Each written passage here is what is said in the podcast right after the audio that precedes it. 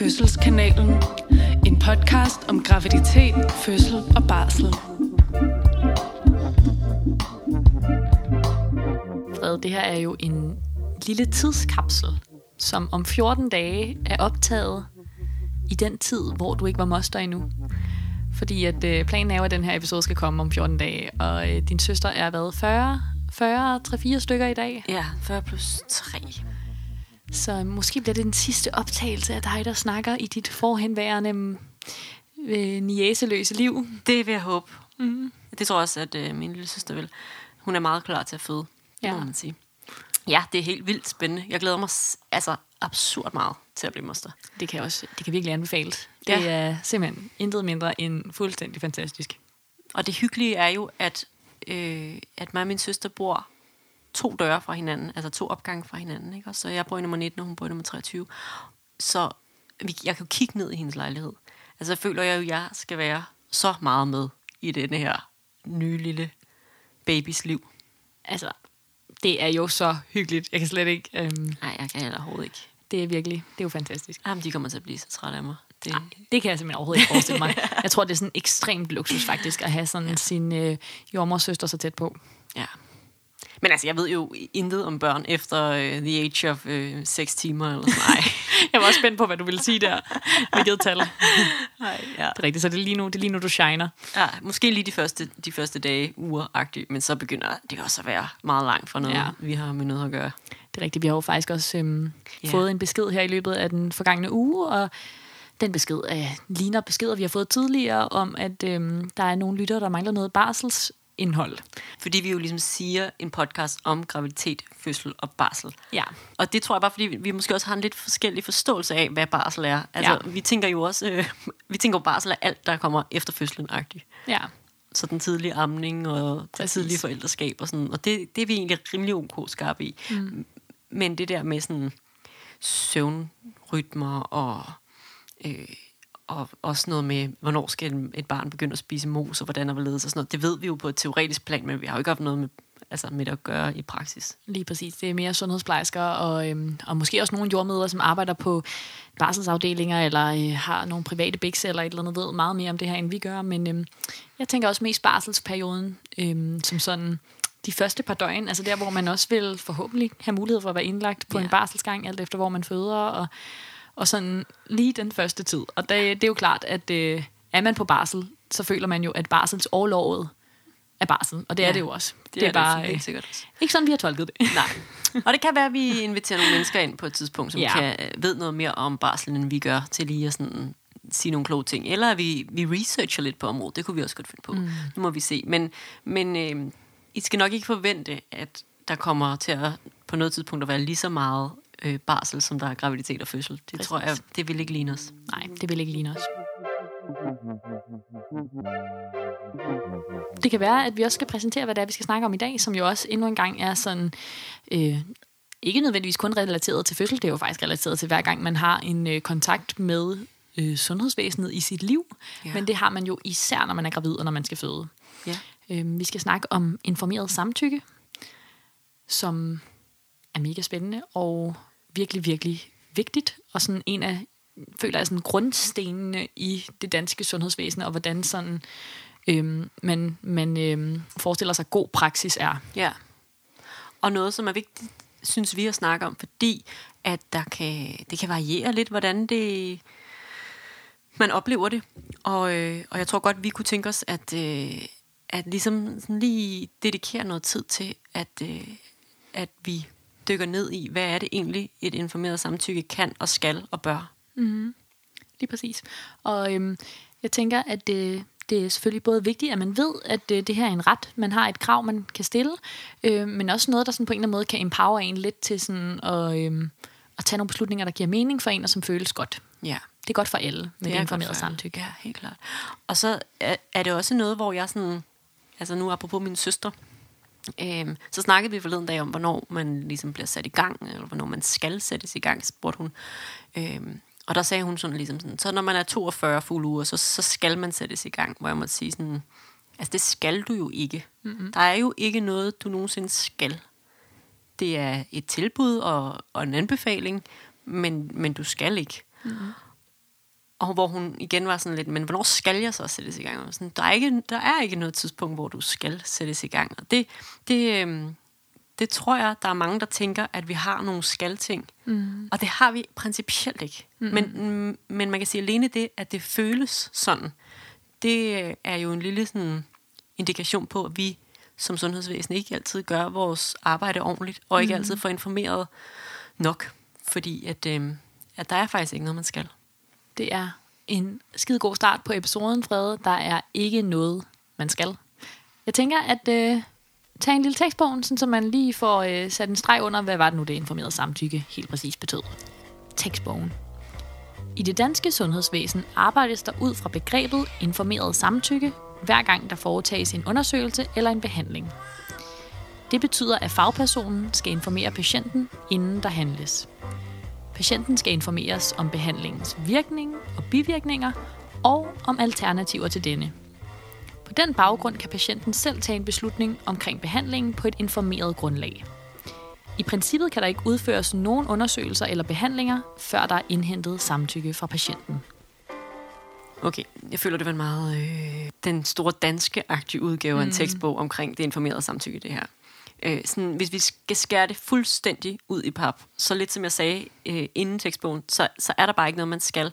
Og øh, man skal, inden man får gjort nogen som helst former for indgreb, inden man får gjort nogen som helst former for behandling, så har man ligesom krav på at få information om den behandling, eller det, det indgreb, eller den handling, som vi som sundhedspersonale ligesom har tænkt os at udføre på en.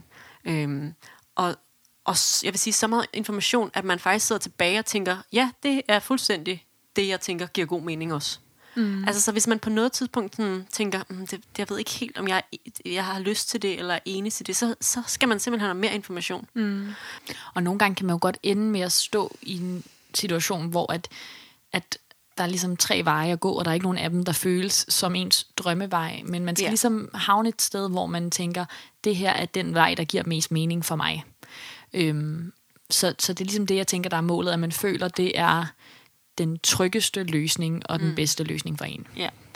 Øhm, så, så det er altså også noget med hver gang, altså i vores, hvis vi ligesom tager det lidt ned i fødeverdenen, så hver gang der skal laves en, en vaginal eksploration, altså det er hver gang man skal undersøge for at se for eksempel, hvor langt man er i fødslen, så skal vi ligesom informere og indhente samtykke til det. Øh, hvis vi kunne finde på at tage en temperatur, øh, et blodtryk, i virkeligheden også når vi mærker på maven. Øh, og det, det er jo klart, at, at de mindre ting kan jo godt blive sådan, er det okay, at jeg mærker på din mave? Altså, det er jo ikke fordi, vi skal komme med sådan en lang øh, redegørelse nødvendigvis, øh, mindre man har et eller andet med sig, eller øh, har vildt svært ved for eksempel mm. at at blive mærket på maven, og synes, det er mm. rigtig grænseoverskridende eller ubehageligt, så, så skal man selvfølgelig sige det, og så skal vi øh, forklare sådan mere udbredt, hvorfor det er, og hvad det er, vi tænker, og sådan nogle ting. Ja. Sager. Øh, men der vil være mange, mange der nok vil, vil hvis man begyndte at, at lave sådan en lang, lang forklaring på, hvorfor ja. det ville være sådan, at altså, så gør det dog. Præcis. Øhm. Og jeg tænker, at, at meget af det sker også sådan lidt i, i det små, uden at man overhovedet lægger mærke til det. Så mm. siger man, øh, nu vil jeg gerne mærke på din mave, fordi at vi skal finde ud af, hvor stort ja. barnet er, og hvordan det ligger derinde. Og, sådan, og så ja, ved man jo godt lidt, hvorfor. Ikke? Men Øhm, nu er det måske, det kan godt være, det er lidt et, et atypisk eksempel, fordi de fleste øhm, ikke har så meget imod, at man mærker på maven, men nogle gange vil der være nogen, der synes, det er grænseoverskridende, og så må man gerne spørge sådan, okay, hvorfor skal vi vide det agtigt, og så lige få en grundigere forklaring endnu, mm. og, så, øh, og så er man klar til at forhåbentlig takke ja til det, men det kan jo også være, at man lander et sted, hvor at man ikke vil have, at der er nogen, der mærker på ens mave, og det er altså også okay. Altså, det er virkelig det der med, at der er intet, man skal i den her verden. Øhm, og det eksempel, du kom med tidligere, som jo er en af de lidt større ting, altså sådan noget med at blive sat i gang, det er jo noget større, kan man sige, end at få målt et blodtryk, eller en temperatur, eller et eller andet. Øhm, men det er bare sådan så fascinerende, hvad for et ordvalg man mm. kan bruge, når man ligesom foreslår, at det er det, vi gør nu. Yeah. Øhm, at, at det at sige, nu er du kommet hertil i graviditeten, og derfor så øh, er det tid til, at du skal sættes i gang. Det vil jo være sådan faktisk et, et helt forkert ordvalg at bruge. Øhm, den rigtige måde vil være at sige sådan, Øh, og derfor har vi et tilbud om, at, øh, at du kan blive sat i gang nu, og øh, det, der vil ske, hvis du siger ja til det, det er bla bla bla, og mm. øh, det, som du måske også vil opleve af bivirkninger, det er bla bla bla, og hvis du ikke har lyst til det her, så er alternativet mm. det her. Sådan så man også føler, at der er andre veje at gå. Altså man skal aldrig stå i en situation, hvor der kun er en vej at gå. Nej, og grundstenen i det her med informeret samtykke er lige præcis det her med virkning, bivirkning og alternativer. Mm. Øhm, og det, det, det er virkelig væsentligt for os som fagpersonale at huske på, men også måske rart som, øh, som en, der ligesom kommer ind udefra og vide, at det, det er faktisk sådan, det, det fungerer. Helt klart. Og øhm, jeg tænker, at det er noget, vi altså man, man vil kunne opleve rigtig, rigtig, rigtig mange gange i løbet af en graviditet, hvis man sådan stopper op og tænker over det, fordi at man bliver tilbudt rigtig mange undersøgelser. Mm. Det starter jo allerede, når man tager op til sin egen læge, og ens læge, øhm, alt efter hvor grundigt man lige øh, dyrker det her informerede samtykke, enten for sagt, så er der tid til nakkefoldsscanning her, og så er der mm. tid til anden trimestersscanning der, øhm, eller man simpelthen tager det hele som tilbud og siger, du er gravid, nu kan du vælge at takke ja til den her scanning, du kan vælge at takke ja til den her scanning, du kan vælge, øhm, om du vil takke ja til tilbuddet om at gå til jordmorkonsultationer, du kan vælge, om du vil takke ja til tilbuddet om at gå her hos mig i løbet af mm. graviditeten. Mm. Altså det hele er jo faktisk tilbud. Ja.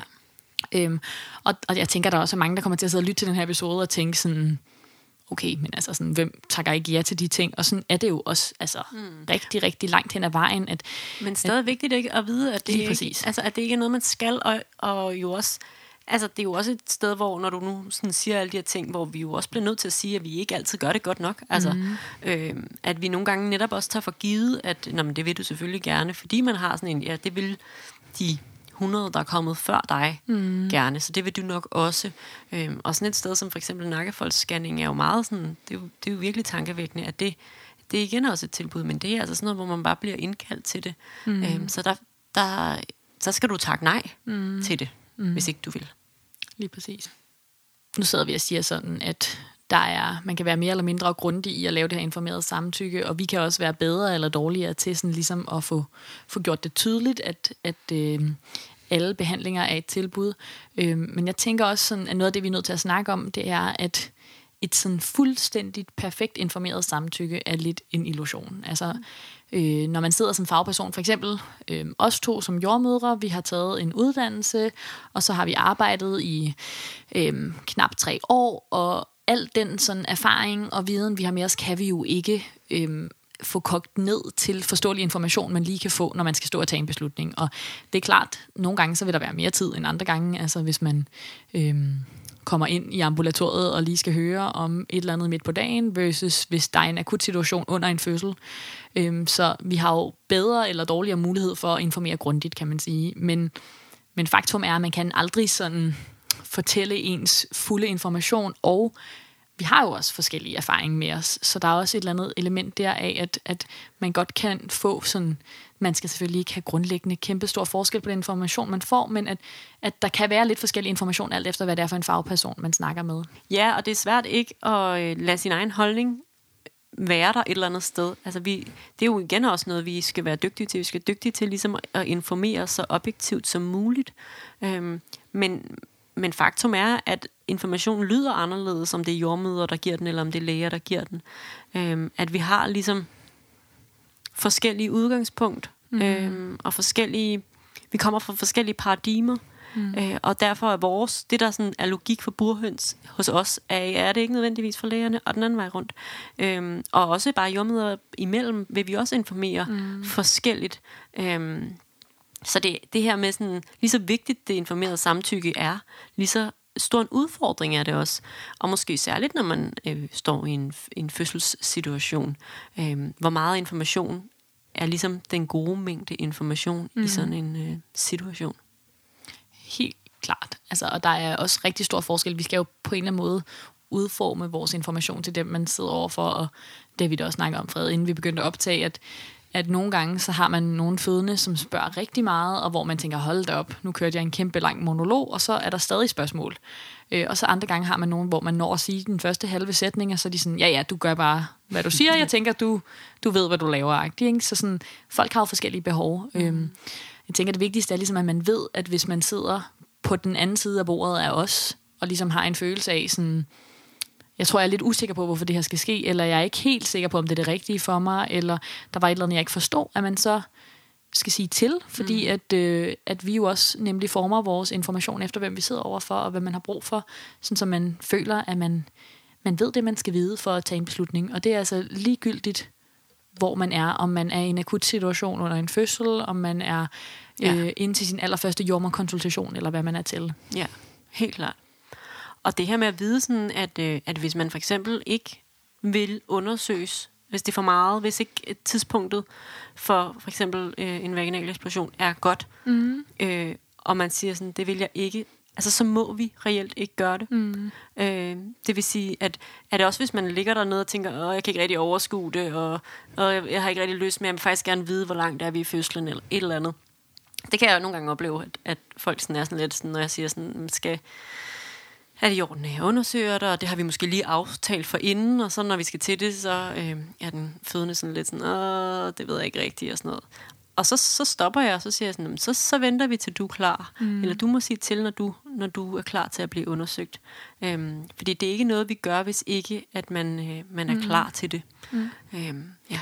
Og det tænker jeg er ret vigtigt at have med, fordi man kan godt tænke sådan, okay, er det så vigtigt, at de spørger hver gang, de måler en temperatur, eller tager et blodtryk, eller et eller andet. Men, men hvis man nu vendte det om til den omvendte verden, hvor at personalet på et hospital, eller øh, hvor end man nu er henne, bare gjorde ting ved en, uden mm. at sige det, det ville jo være fuldstændig sindssygt. Mm. Altså sådan, så så øh, selvfølgelig skal man have information, og selvfølgelig skal man være klar. Ja.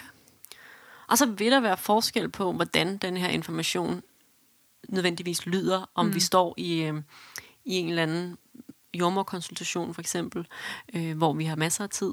Masser af tid, måske en overdrivelse, men hvor vi har tid. eller om vi Masser står af tid er en midt, overdrivelse. ja. Eller om vi står midt i en, en eller anden akut situation. Øhm, for eksempel en, en blødnings, altså blødning efter fødslen er et meget godt eksempel, fordi der, øhm, der, det er bare der, hvor man kan bløde rigtig, rigtig meget på rigtig kort tid. Og det kan være rigtig farligt. Og der skal vi en masse ting på meget kort tid for ligesom at stoppe blødningen. Og, øh, og der kommer mange mennesker, og der kan man jo godt have sådan en fornemmelse af, at, der, altså, at det mere er folk, der siger, nu lægger jeg lige en nål i din hånd, mm. nu gør jeg lige sådan. Og, og, øh, og så kan man jo diskutere sådan, er det et informeret samtykke? Og det, det, det er det måske ikke helt, hvis man virkelig skal være krakilske. Mm. Øh, men det er også en, over, en opvejelse af, hvordan gør vi det her på en, på en god måde. Ja, altså sådan sat fuldstændig på spidsen, hvis nu man var i sådan en ægte Grey's Anatomy, kæmpe øh, car crash situation, hvor man kommer ind på et hospital med en ambulance og er i total livsfare, så vil man sikkert også få noget medicin, uden at blive informeret om det, versus hvis man ligger nede i et badekar og har vejer igennem mange timer, og jordmoren spørger om, om man vil have den her ene sprøjte, man bliver tilbudt efter fødslen. Altså, der er øh, kæmpe stor forskel på, hvor livsnødvendig er den her mm. medicin, øhm, og hvor god mulighed er der for at kommunikere med patienten osv. Mm. Men, øhm, men det er bare vigtigt at holde fast i, at, at det er faktisk øhm, noget, man skal gøre. Ja, og det er virkelig vigtigt, at man mm. netop får al den information, som man har brug for, mm. for at føle sig i trygge hænder. Ja, Øhm, klart. Ja.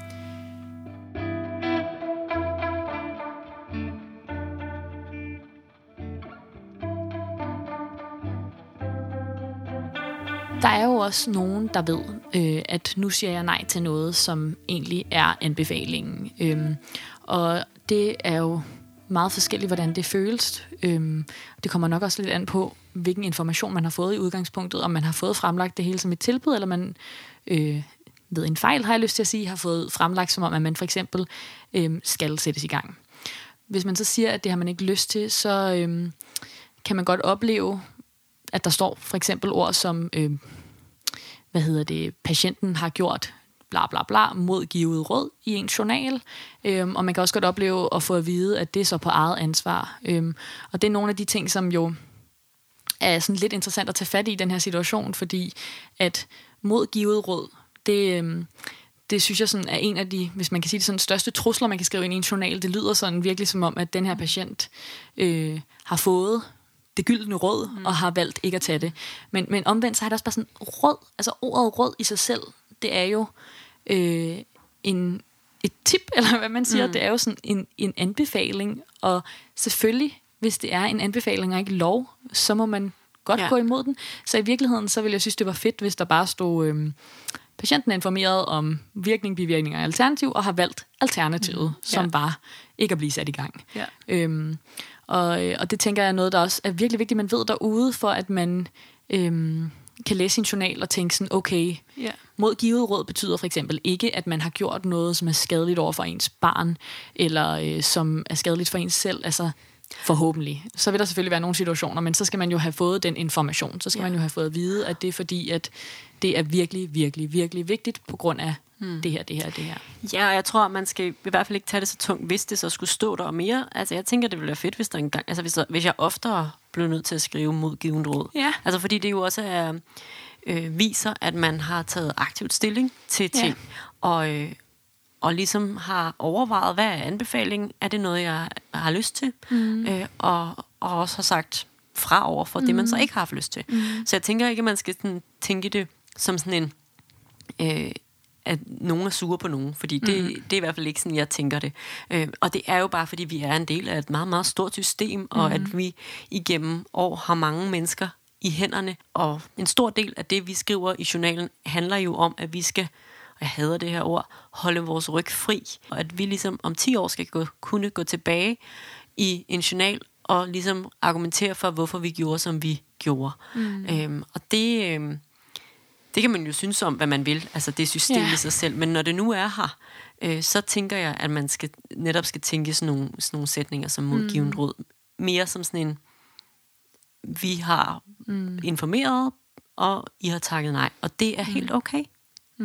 Det er faktisk rigtigt. Der er ligesom sådan en... Øh, altså, der er faktisk et krav til personalet om, at man ligesom skriver ind, at man har fortalt, hvad anbefalingerne er. Altså, når man er ansat på et hospital, så skal man ligesom øh, kende hospitalets anbefalinger, og så skal man formidle dem, og man skal selvfølgelig formidle dem som anbefalinger. Mm. Øhm, men man skal ligesom formidle dem og journalføre, at det er det, det er det, man har gjort, og der er blevet valgt en anden vej. Ja. Øh, og det kan jo... Altså, nu ved jeg seriøst heller ikke, hvor mange, der går ind og læser i deres journal. Det kan jo være, mm. at øh, der sidder nogen derude og tænker sådan, det vil jeg da aldrig i verden have oplevet, men det, eller opdaget. Men hvis man har opdaget det, så Ja. bare vid, at sådan, det er sådan et krav, at vi skriver det, at det er ikke det samme som, at, øh, at man har gjort et eller andet, der er fuldstændig sindssygt. Nej, og der er jo rigtig mange. Altså, vi er jo en del af et system, og det tror jeg ikke nødvendigvis jummet og synes er det fedeste i verden altid. Altså, og der, der er bare en, en masse anbefalinger, og også nogle gange nogle anbefalinger, som, som vi måske som jordmøder ikke nødvendigvis er så store tilhængere af. Men vi er nu stadigvæk en, en gang en del af det her system, og bliver nødt til på en eller anden måde at agere i det. Mm. Øhm, og jeg tror, at jordmøder, når de kommer ind og føder, at de mennesker, der øh, i allerhøjeste grad gør ting mod givet råd. Mm. Øhm, så det, det er jo det, det er. Det er jo anbefalinger. Det er jo ting, der er øh, skrevet ned et mm. sted for ligesom at vejlede jordmøder i, hvordan de skal håndtere situationer. Mm. Og hvis man så som fødende vurderer, at øh, det er noget andet, der føles rigtigt for en, så, så er det helt okay, og så er det det, man skal gøre. Lige præcis. Og får man for eksempel at vide, at, at det, man har valgt at gøre, er på eget ansvar, så er det jo som med alt andet i livet.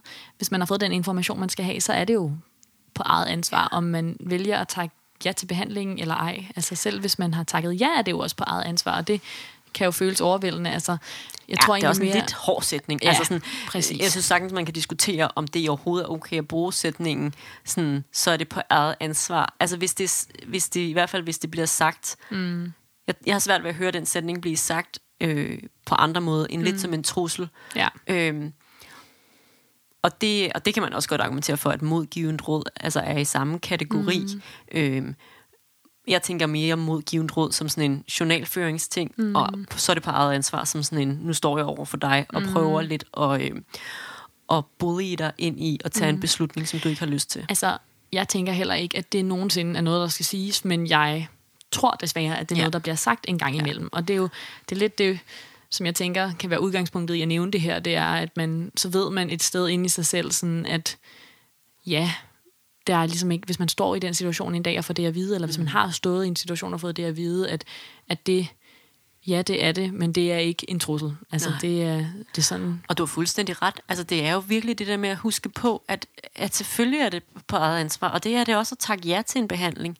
Så, altså, så either way, så mm. har man et ansvar her i verden, mm. øh, og, og så skulle det jo gerne være sådan, så at vi som fagpersoner er der til ligesom at rådgive, mm. men jo ud fra sådan et ja, et rådgivende sted, mm. hvor vi ikke netop sådan, hvad hedder sådan noget, trumfer mm. øh, en eller anden behandlingsform mm. igennem, fordi at det står et eller andet sted skrevet ned, men at vi lytter til dig og dit behov, jer og jeres behov, og så hjælper jeg med at finde den gode vej for jer i det. Det skulle meget gerne være sådan, det er.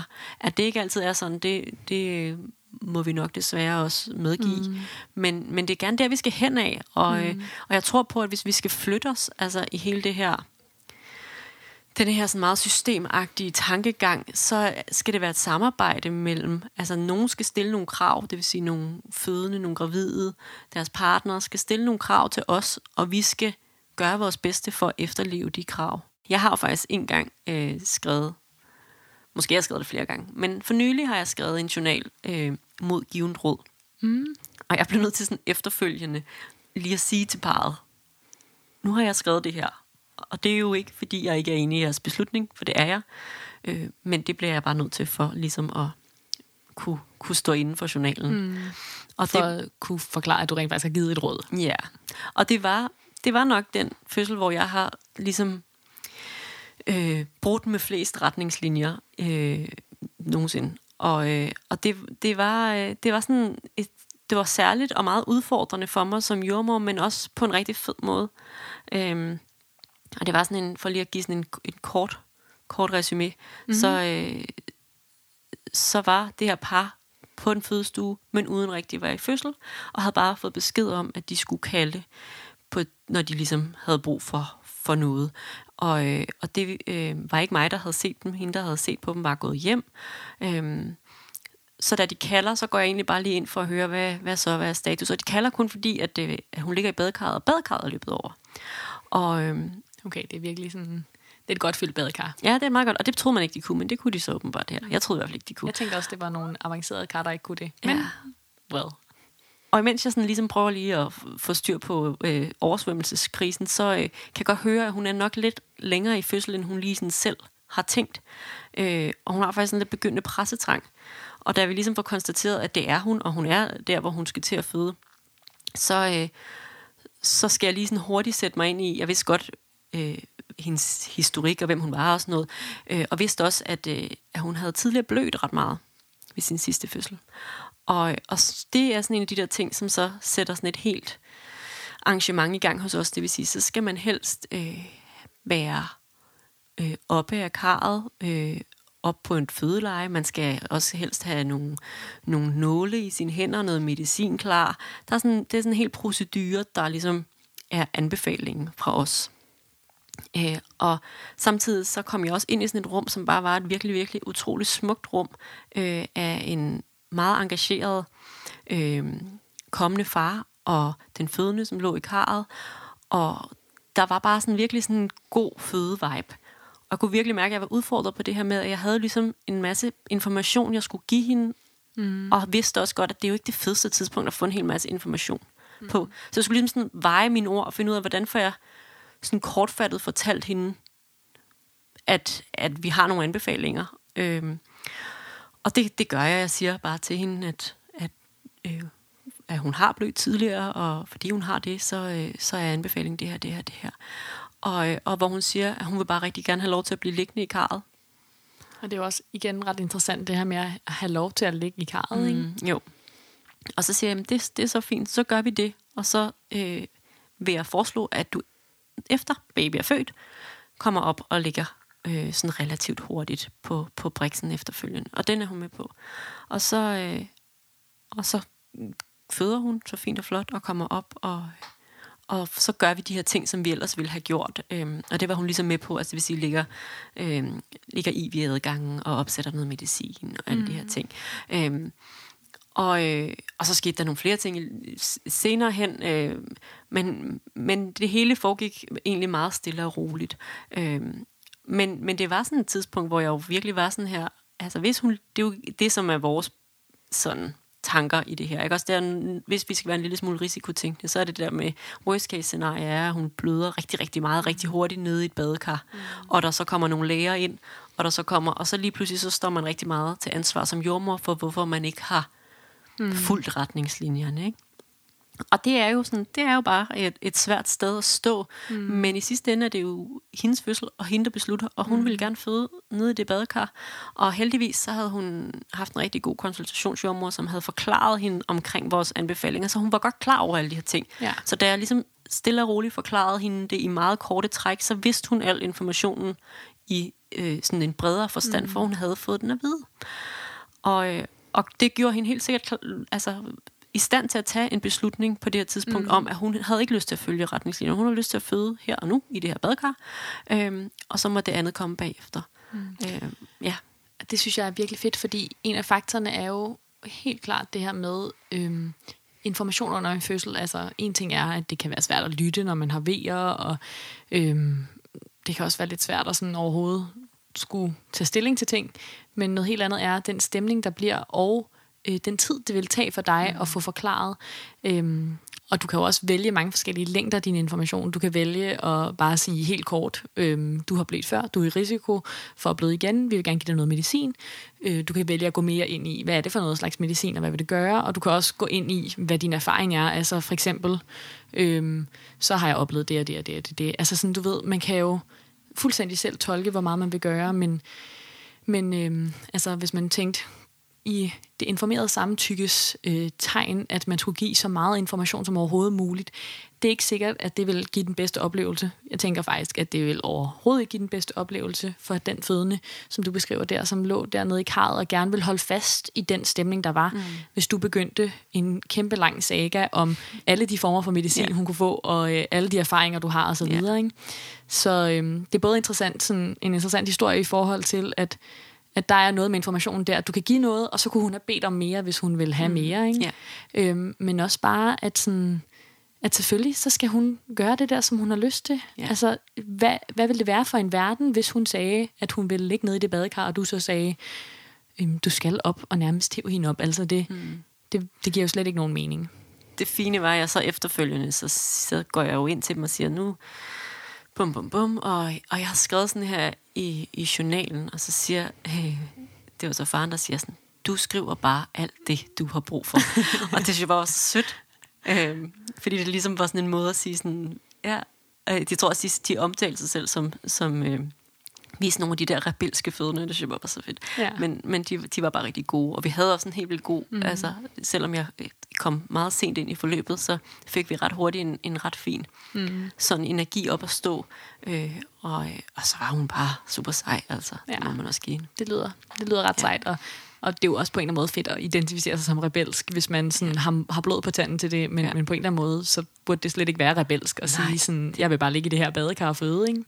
Det skulle gerne blive the new normal på et yeah. tidspunkt, at man simpelthen bare tager ejerskab og siger sådan, det er det her, jeg gerne vil. Mm. Og det er jo ikke, fordi vores øh, anbefalinger er jo ikke nødvendigvis fuldstændig øh, uberettiget, og, og nogle gange kan de ikke rigtig god mening. Mm. Øhm, og det er heller ikke sådan, så, at man jo bare skal sige nej til alle anbefalinger, fordi de er en anbefaling. Mm. Men det handler jo om at mærke efter i sig selv, mm. og, og handler om at netop at spørge ind til de de mm. informationer, der bliver givet, til man ligesom føler, at, at det også giver mening i ens eget mm. hoved.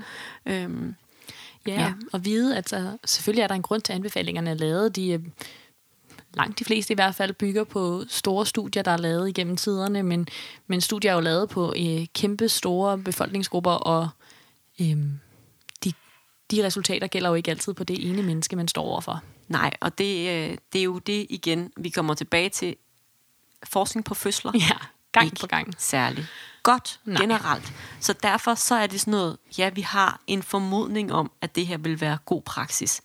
Men hvis man så står og tænker sådan, det tror jeg overhovedet ikke er godt for mig, jamen så, så er det også okay. Altså, mm. så er det noget andet, der skal ske. Mm. Så skal man finde ud af, hvad det så, der skal ske. Lige præcis. Og jeg synes, det er meget interessant, det her med, sådan, med mængden af information, som du også lige var inde på, er, at at meget information er ikke nødvendigvis altid sådan the golden standard. Det kan lige så godt være bare sådan rigtig information. Mm. Og det her, i hvert fald under fødsler, altså jeg er helt klar på, at øh, er man ja, på et ambulatorie eller til en scanning, eller sådan, så, så skal man have så grundig information som, som overhovedet muligt. Men når man står i fødsler, så er det også noget med at finde ud af, hvad, hvad er mit behov for information? Øh, og igen, hvis ikke at man føler, at man får nok information, så handler det virkelig om at sige, kan du ikke uddybe det, kan du forklare mig noget mere? Og også den modsatte vej. Hvis man føler, at man får for meget information, det kunne man godt gøre, hvis man var fødende hos Side nogle gange, tror jeg. Også hos mig. Jeg sidder også og er gener- lidt herovre. Generelt meget øh, snakkende mennesker. øh, og meget informerende mennesker. Øh, men man må også gerne sige, det, ved du, det er sagt faktisk mm. så fint. Jeg, jeg, du, du gør bare det her. Jeg, det, jeg har fået den information, jeg har brug for. Det hører jeg faktisk også ret ofte. Øhm, og det skal der selvfølgelig være plads til. Det skal der nemlig også være plads til.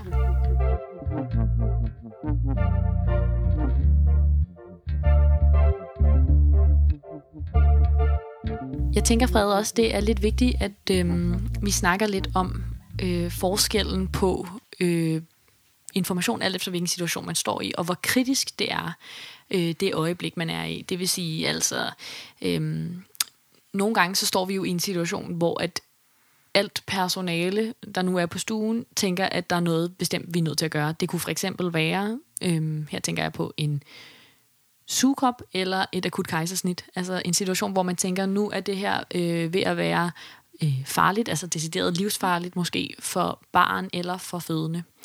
Øhm, og det er jo sådan en situation, hvor at man hverken har lige så lang tid til at informere, men hvor man også, øhm, hvor der ligesom er en enighed i øh, blandt personalet om, at der er noget, der skal ske nu, som er ret vigtigt. Og der, øhm, der vil jeg jo være mere tilbøjelig til at blive ved med at informere indtil, at den fødende forstår, at nu er vi nødt til at forløse barnet på den ene eller den anden måde, i stedet for bare at sige, altså jeg vil aldrig nogensinde bare informere kort, og så lade den fødende tage en beslutning, som jeg var sådan virkelig øhm, overbevist om, ville være meget, meget farlig for den fødende eller for barnet. Mm. Øhm, så der er jo nogle situationer, hvor det er simpelthen så kritisk, at man på en eller anden måde, øhm, selvom man, der er selvfølgelig er et alternativ, som er ikke at takke ja til mm. den behandling, øh, vil tænke, at det virkelig, virkelig vil være farligt. Ja. Og, øh, og der tænker jeg bare, at det vigtige er, ligesom, at vi kommer hen til et sted, hvor at den fødende ligesom er med på det, og hvor partner, hvis man har en partner med til fødslen, også er med på det, altså hvor der ligesom er en forståelse af, hvorfor er det, det her sker, og Ja. hvorfor er det, det er vigtigt. Og når det er sagt, så er det jo, ja, nu får det næsten til at lyde til, at jeg bare skal over, overtale, og det er jo selvfølgelig ikke det, der er meningen, men, men, men nogle gange, altså i nogle tilfælde, så, øhm, så er man jo som fagperson virkelig overbevist om, at der er en ting, der er den rigtige. Og mm. der tænker jeg også, det er trygt at vide som ja. øhm, patient, der skal ind på et hospital, at så får man det også at vide, Ja. og så får man det understreget Ja. ja. meget tydeligt. Ikke? Ja. ja, ja, så det er ikke sådan, at vi bare sådan tænker, nå, du sagde nej, nå, okay, så, så stopper vi Lige her, så præcis. siger vi ikke mere. Lige præcis. Øh, selvfølgelig, men, men og man kan altså stadig sige, at du, du er jo som fødende, øh, det er sådan så, at indtil at man ligesom har født barnet, så har barnet ligesom ikke noget at skulle have sagt. Mm. Det vil sige, hvis man virkelig som fødende ikke det, der bliver anbefalet, så skal man det stadigvæk ikke. Mm. Men det er klart, at der er jo forskel på at takke nej til et øh, kejsersnit, fordi vi har prøvet alt og øh, tænker, at det måske er den, den næste vej at gå. Øh, der kan man godt sige sådan, kan vi lige give det nogle timer mm. mere? Øh, og så vil vi i de fleste tilfælde godt kunne det. Øhm, og så takke nej til et, et kejsersnit, som er på ja, en eller anden kraftig mistanke om, at øh, barnet har, har iltmangel inde i maven. Mm. Øhm, og det, det vil være to forskellige situationer, og også derfor sådan, ja, to forskellige samtaler, mm. øhm, og, og hvor vi i hvert fald vil øh, måske gøre et større nummer ud af at være sikre på, at man forstår informationen, mm. hvis man så stadig vælger at takke nej. Og det, er jo, det har jeg, aldrig, har aldrig været i sådan en situation, så Nej. det er jo- bliver jo meget teoretisk plan. Mm. Øhm, men der kan jo godt være nogle andre situationer, hvor at, at det kan være, altså, hvor det måske kan være mindre sådan liv- eller dødagtigt, mm. men hvor der stadig kan være et element af det. Mm. Øhm, Altså, øhm, jeg har heller aldrig været i øh, specifikt den situation, men, men vi fik på et tidspunkt en mail fra en lytter, som skrev, øhm, jeg kan ikke huske, hvad hun skrev, hun skrev, øh, at et eller andet, eller at sugekoppen var simpelthen den allerstørste frygt, hun overhovedet havde i forbindelse med det at skulle føde, om man godt kunne nægte at få lagt en sugekop, hvor at vi svarede, at selvfølgelig kan man det. Altså, mm. der, vil, der vil aldrig nogensinde i nogen verden kunne være nogen, der kan øhm, bare øh, anlægge en sugekop uden at få lov til det. Nej. Men, men der kan være situationer, hvor det helt klart vil være øh, den bedste anbefaling, hvis man kiggede på sådan en stor, altså kiggede på alle mennesker i hele verden og lavede et studie, så vil man se, at øh, det vil give den bedste oplevelse for de fleste. Og så kan der være en grund til, at lige præcis den her gravide ikke øh, kan få lagt en sugekop, hvis man for eksempel har et, et traume med sig, øh, eller øh, af en eller anden grund det kan jo godt være, hvis man har oparbejdet en frygt for den her sugekop så længe, at, man ja. bare, at det bare slet ikke kan være det rigtige for en. Ja. Øhm, og, og der er det vigtigt at vide, at selvfølgelig kan man godt takke nej til det, men, men som vi også skrev, så kan man også godt havne i en situation, hvor at, at man faktisk godt kan se fornuften i det lige pludselig, når man så står der. Og igen, der, så skulle det jo også gerne være sådan, at så når man til et punkt, hvor man så tænker sådan, ja, det er faktisk den bedste mm, løsning. Præcis. Og hvis man stadig har det sådan, det er ikke den bedste løsning, jamen så vil alternativet være for eksempel at køre til et mm. kejsersnit. Og så må det være sådan. Og vi har dem en gang imellem. Vi har mm. øhm, en jordmor, som ligesom laver fødeplaner med folk, der har fødselsangst, øhm, eller har nogle, nogle ting, de ligesom, der ligesom gør, at de har mm. et behov for en, en meget sådan øh, veldefineret plan. Mm.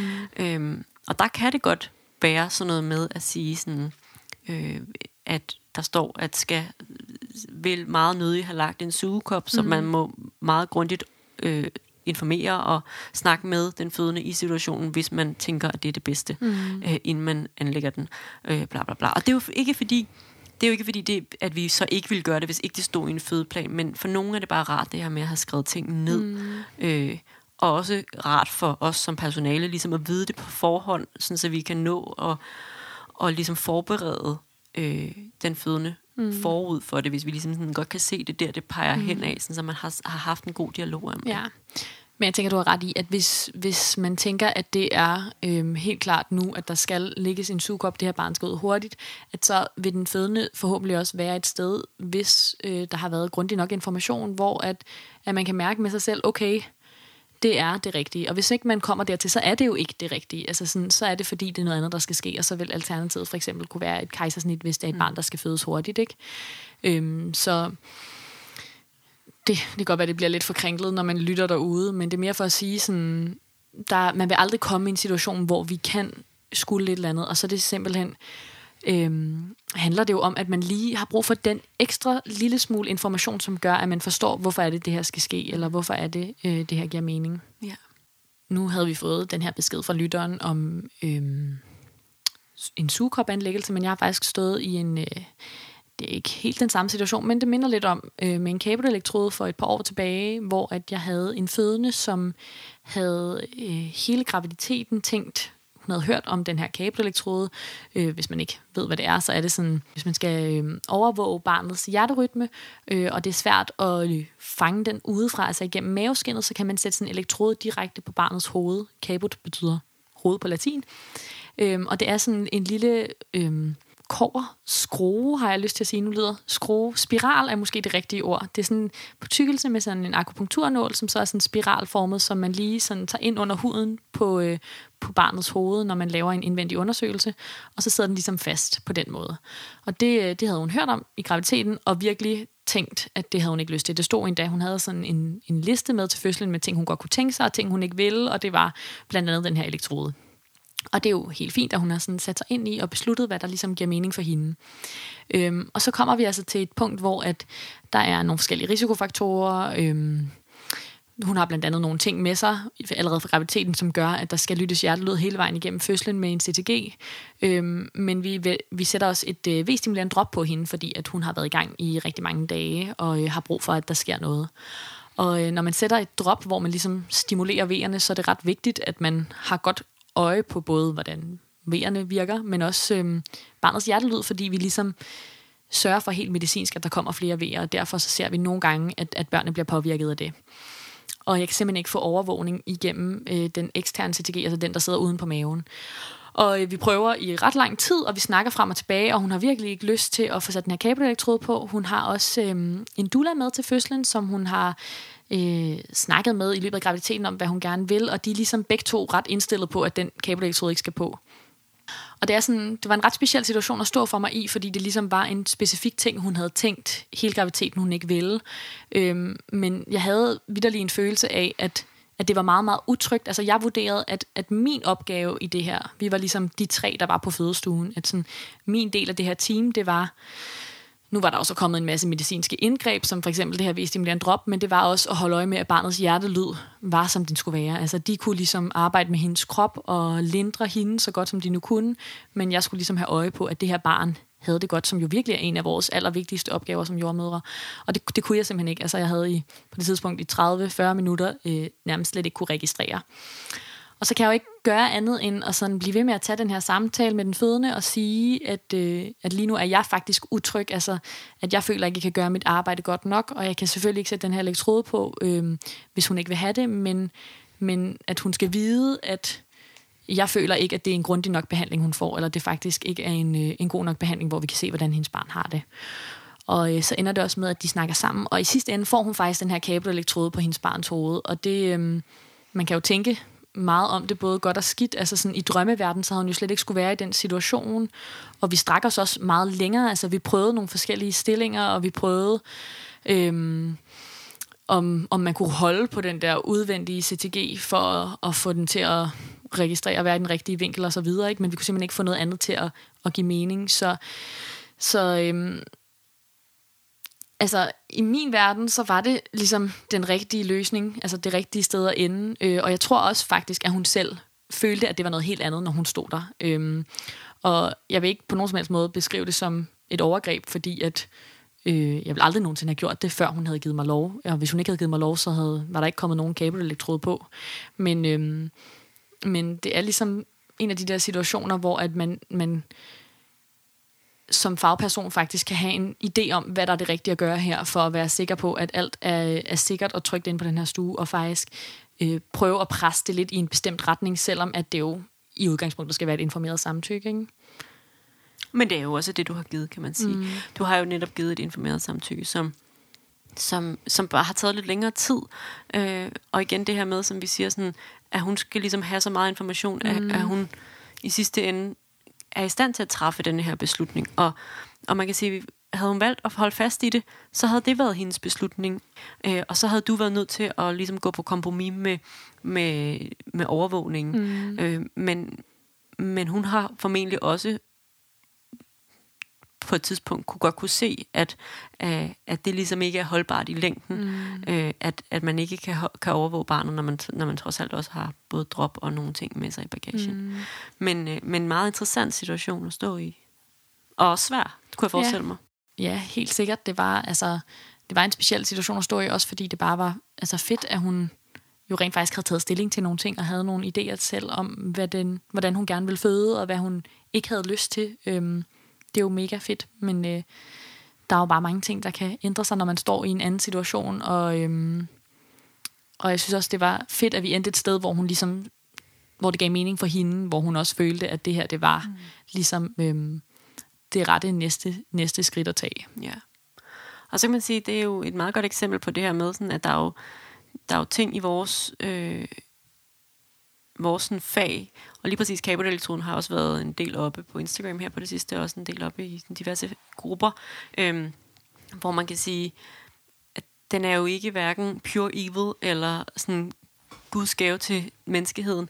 Den er jo et værktøj, som i mm. nogle situationer, for eksempel hvis man har svært ved at få ekstern overvågning til at fungere, eller hvis man er i en situation, hvor at man skal ligge meget stille for at få ekstern overvågning til at fungere, mm. så kan den jo give, altså være guld værd. Mm. Øh, og igen, så, så er det jo bare ligesom alt muligt andet et indgreb, øh, og jo noget, man gerne vil være for uden, hvis man overhovedet kan komme i nærheden af det. Altså, og, og hvis man er i en situation, hvor man kan øh, få ekstern overvågning til at fungere, og man skal have ekstern overvågning på overhovedet, så, så er det der at foretrække. Mm. Men når det så ikke er muligt, så, øh, så kan kabelelektroden mm. virkelig også noget. Og det er bare, ja, det er sådan meget... Og sådan er det jo langt ad vejen med de fleste indgreb, tænker jeg. Altså, man, altså indgreb og behandlinger i den her verden og sådan noget. Mm. De fleste ting har man jo ikke lyst til i udgangspunktet. Altså, det ville da være dejligt at kunne leve et liv, hvor man bare slet ikke skulle tage noget medicin nogensinde, eller nogensinde få gjort nogle ting ved sin krop. Men øhm, når det så er sagt, så kan man jo godt komme i en situation, hvor det er det, der giver mening. Ja. Ja.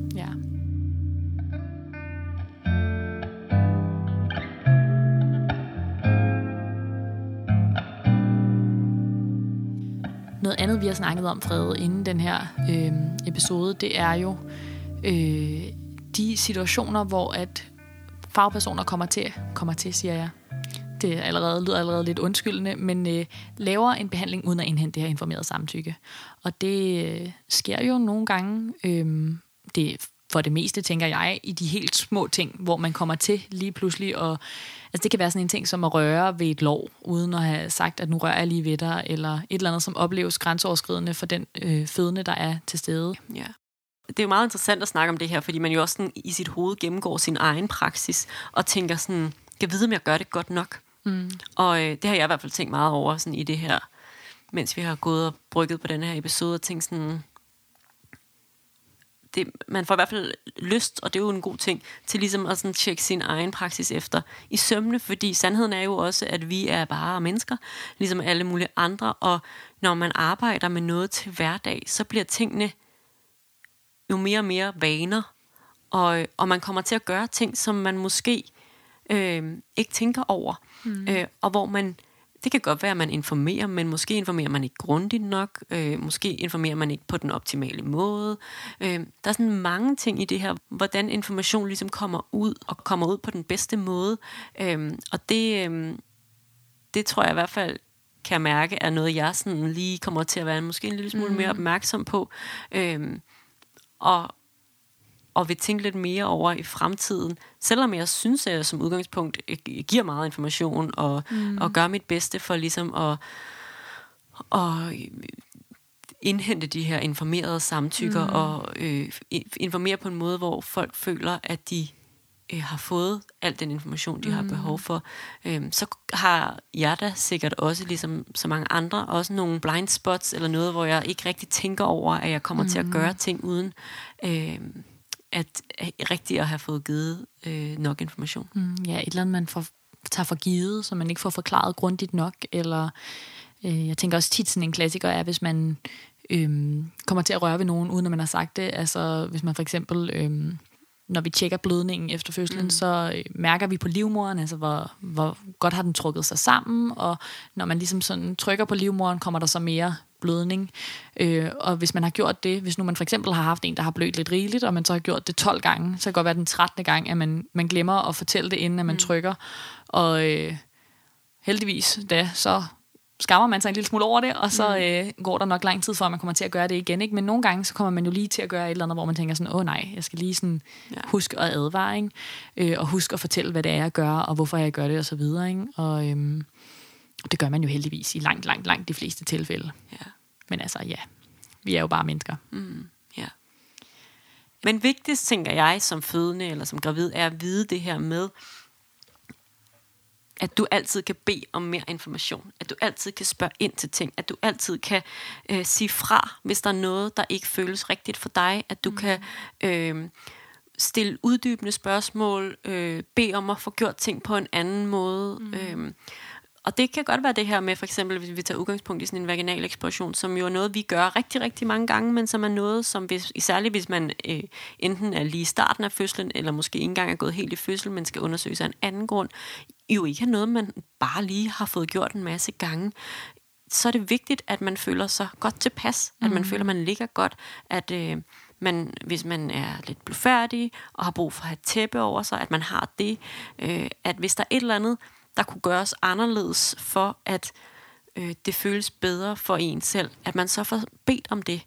Øh, at man får, får ligesom skabt et rum, der gør øh, det aller rarest mm. øh, muligt for en mm. at være i den her situation, som måske kan være grænseoverskridende, eller måske kan være lidt ubehagelig. Mm. Øhm, Ja, og det ligger jo hovedsageligt, tænker jeg, på os som personale at sørge for, at det er en, en behagelig og, øhm, og tryg situation, men I er jo alle sammen forskellige, så hvis der er et eller andet, man ved kunne hjælpe en, eller hvis man kan mærke, lige nu er der et eller andet, der lige trigger mig, så øhm, prøv at sige det højt. Mm. Jeg tænker også, at man, hvis man ikke selv kan sige det, men øhm, man har brug for, at der ligesom bliver gjort noget anderledes, at man måske kan bruge det, man har med sig. Øh, og det er jo heldigvis sådan, som oftest, at man lige har et øjeblik alene, at, at jordmoren lige er ude af stuen, øh, eller øh, og så må man bare viske det, altså sige mm. det til dem, man har med, og få dem til at sige for en sådan, jeg tror, vi har brug for, at det, det lige bliver gjort sådan her, eller kan vi lige få uddybet det her, eller øh, hvad end der nu kan gøre, at man er tryg. Så hvis man selv synes, det er svært, der er simpelthen også nogen, der bare, altså hvis man ved det på forhånd, at man har brug for meget information, jo skriver det ned på et stykke papir, mm. og giver det til jordmoren, eller for ens konsultationsjordmor til at skrive det ind i journalen, står, mm. har brug for meget grundig information. Og så er man hvis man er heldig at få dig eller mig, så får man rigtig meget snak. Nej, det er der masser af jordmøder, der ja. gerne vil gøre, ikke? Men, men, øhm, men prøv at forme situationen, ligesom med så mange andre ting, til noget, der gør en tryg ved alle mm. de beslutninger, der bliver taget. Ja, og også hvis man står og tænker, jeg er faktisk ikke tryg ved den jordmor, der står over for mig.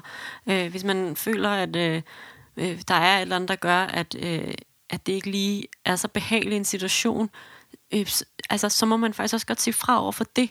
Øh, så, så vil vi prøve vores bedste for at få finde en anden jordmor, eller få omrokeret. Det kan både være, mm. det, hvis man er i fødsel og skal ind på en fødestue, mm. øhm, eller hvis man bare lige er kommet skævt ind på hinanden og tænker, jeg har faktisk ikke lyst til, at det her menneske skal undersøge mig indvendigt.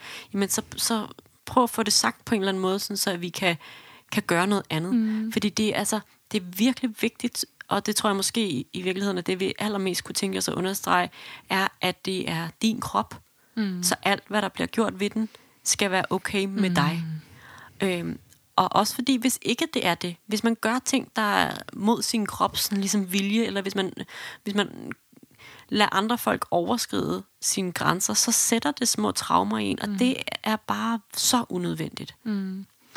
Plus, de fleste er øhm, meget nemmere at undersøge, for eksempel hvis man skal lave en vaginal eksploration, hvis de er trygge og kan spænde af. Mm. Øh, og vi får meget pænere blodtryk, hvis man er tryg i den situation, man sidder i. Sådan helt generelt, så øh, forløber fødslen meget bedre. Man har bedre vejer, man giver sig nemmere, øh, hvis man er tryg i situationen, så det er bare godt for alting. Ja, det er jo faktisk en virkelig, virkelig smuk pointe. Mm. Ja. Så en helt kort, lavpraktisk ligesom opsummering, så har du ret til information. Du har ret til selv at tage alle beslutningerne. Du har ret til at sige fra undervejs. Og så har du ret til at frabede dig information. Mm. Så husk på det. Skal vi runde af med en lille brevsprække? Jepper. Jepper.